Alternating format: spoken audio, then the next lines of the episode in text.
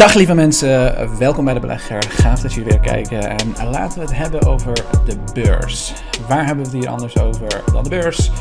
En uh, er is me toch uh, wat aan de hand, jongens. Ik uh, was even goede twee weekjes uh, weg. Ik denk wel langer zelfs.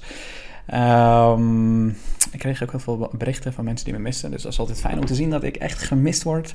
Voor de mensen die me echt missen, ik ben wel dagelijks altijd actief op Instagram. Zorg dat je me daar even volgt. Daar deel ik heel veel interessante, belangrijke content die live op dit moment eh, gebeuren. Terwijl een YouTube-video toch wel wat langer kost en uh, niet live is. Maar de afgelopen paar weken zat ik eerst met COVID. Ik heb het eh, goed te pakken gekregen.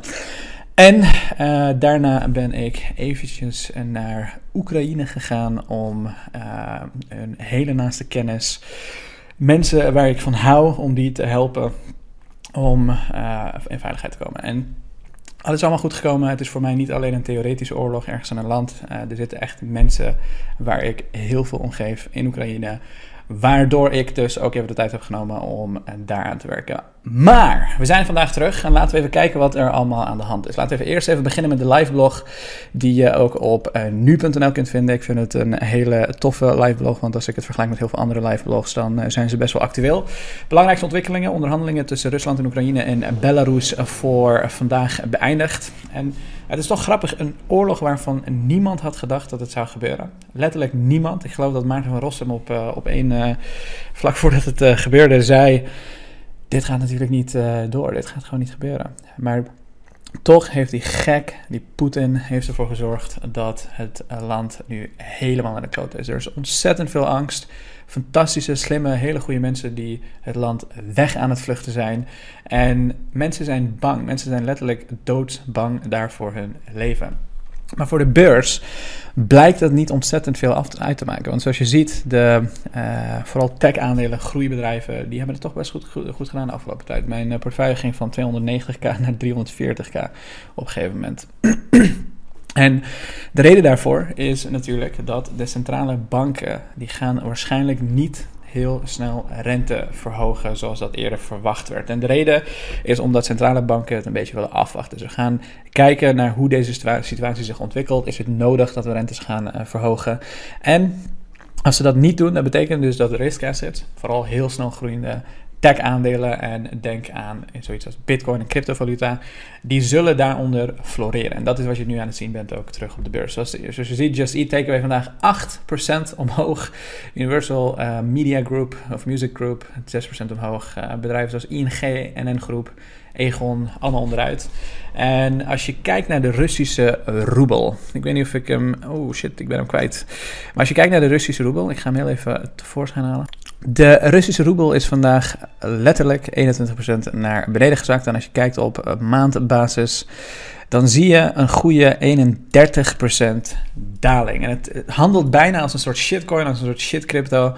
En uh, de reden is natuurlijk simpel. Er zijn heel veel economische sancties tegenover Rusland die geïmplementeerd zijn. Die zullen ook wereldwijd effect hebben waarschijnlijk. En uh, vooral de oligarchen, vooral de hele rijke mensen in uh, Rusland, die zullen dat gaan voelen. Die zullen dat gaan voelen. En de bedoeling is met die sancties om het volk in weerstand te brengen, zodat ze de straten opgaan en zeggen: hey, wij pikken dit niet. Wij willen niet dat er oorlog komt in Oekraïne. Maar tegelijkertijd zijn er ook heel veel mensen die zeggen: deze oorlog die zat er al heel lang aan te komen. En de Oekraïners die ik spreek, de mensen die ik ken in Oekraïne, die zeggen mij: dit is niet onze oorlog. Wij hebben wij hebben geen ruzie met Rusland. Wij vinden niks van Rusland. Wij willen gewoon onze vrede, onze veiligheid, onze families. We willen kunnen eten. We willen, we willen rustig kunnen werken. We willen een goede economie. We willen onze veiligheid. Dat is wat we willen. We willen geen oorlog. Het maakt ons niet uit wat Russen willen, wat de Amerika wil, enzovoort. Maar het is wel een oorlog geworden tussen de NATO en de VS. Want dat is waar het onderaan de streep om draait. De, de, de NATO die is zich heel erg aan het uitbreiden. Laten we even kijken naar dit uh, stukje van, uh, uh, van Hal, Halbe Zeil. wereld waarin het heel goed mogelijk is dat wij hier in Europa weer te maken gaan krijgen met een oorlog. Een oorlog met Rusland.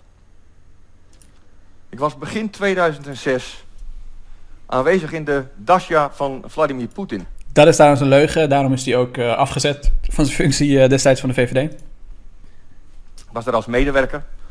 was weggestopt achterin het zaaltje waar het plaatsvond.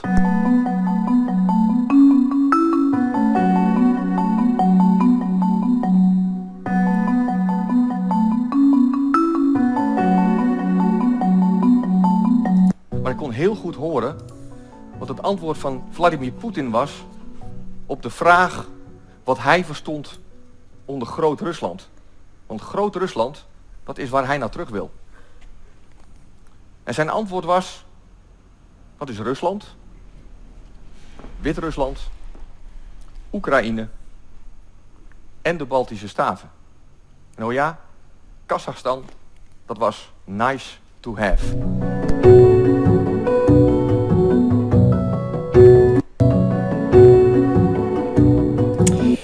Je ziet het, het is... Uh, deze man was dus hier gewoon letterlijk aan het liegen. Die zei dat hij de Dasha van uh, Vladimir Poetin was.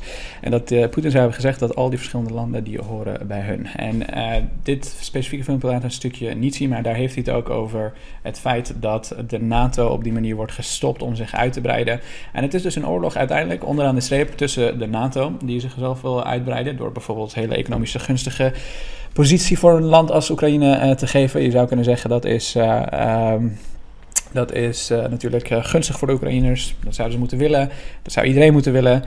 Tegelijkertijd um, zou je ook kunnen zeggen... Ja, we hebben heel lang geleden een verdrag gesloten met de Russen om niet uit te breiden richting Rusland. Want onderaan de streep, of je daar wilt of niet, als iemand aan je land komt, als iemand aan je grenzen komt, als iemand een dreiging lijkt te zijn, dan ga je daar ook wat tegen doen. En dat is wat in dit geval Poetin aan het doen is. Maar dat kost mensenlevens, dat heeft serieuze impact. En de Oekraïners die ik spreek, nogmaals, die zeggen: dit is niet onze oorlog. Dit is tussen Poetin en de NATO en wij zitten hier gewoon letterlijk vast. Um, ja, maar het brengt wel heel veel onzekerheid uh, in de markt met zich mee. Het brengt ontzettend veel onzekerheid met zich mee. Je ziet de markt op en neergaan bijna dagelijks. Het weet echt niet wat het moet doen.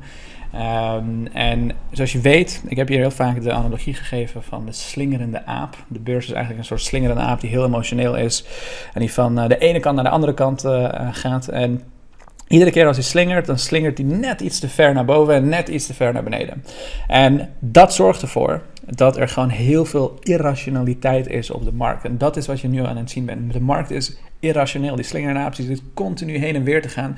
En de beurs is een beetje aan het bedenken wat is hier aan de hand? Wat gaan de economische impact uh, hier, uh, hiervan zijn? Wat zijn de gevolgen uh, op de lange termijn als dit oorlog twee jaar duurt, drie jaar duurt, vijf jaar duurt? Wat zijn de gevolgen als iemand als Poetin daadwerkelijk nucleaire wapens begint te gebruiken? Want dat is letterlijk wat hij gisteren zei. Hij zei dat hij bereid is om nucleaire wapens in te zetten om zijn grensgebieden te beschermen. En de vraag is, hoe ver gaat die gek? Hoe ver gaat die man? En gaan we een serieuze uh, inmenging zien van NATO in Oekraïne. En dat is wat beleggers op dit moment uh, bezig gaat. Ik wil je bedanken voor vandaag. Het is een korte video geworden. Ik ben vandaag uh, teruggekomen en ik zal in de loop van de week nog een aantal interessante video's maken. Zorg dat je mij op Instagram volgt. Daar deel ik live updates over alles wat er aan de hand is in de financiële markten. En als je me daar niet volgt, dan mis je heel veel. Dank voor het kijken en nog een hele fijne avond.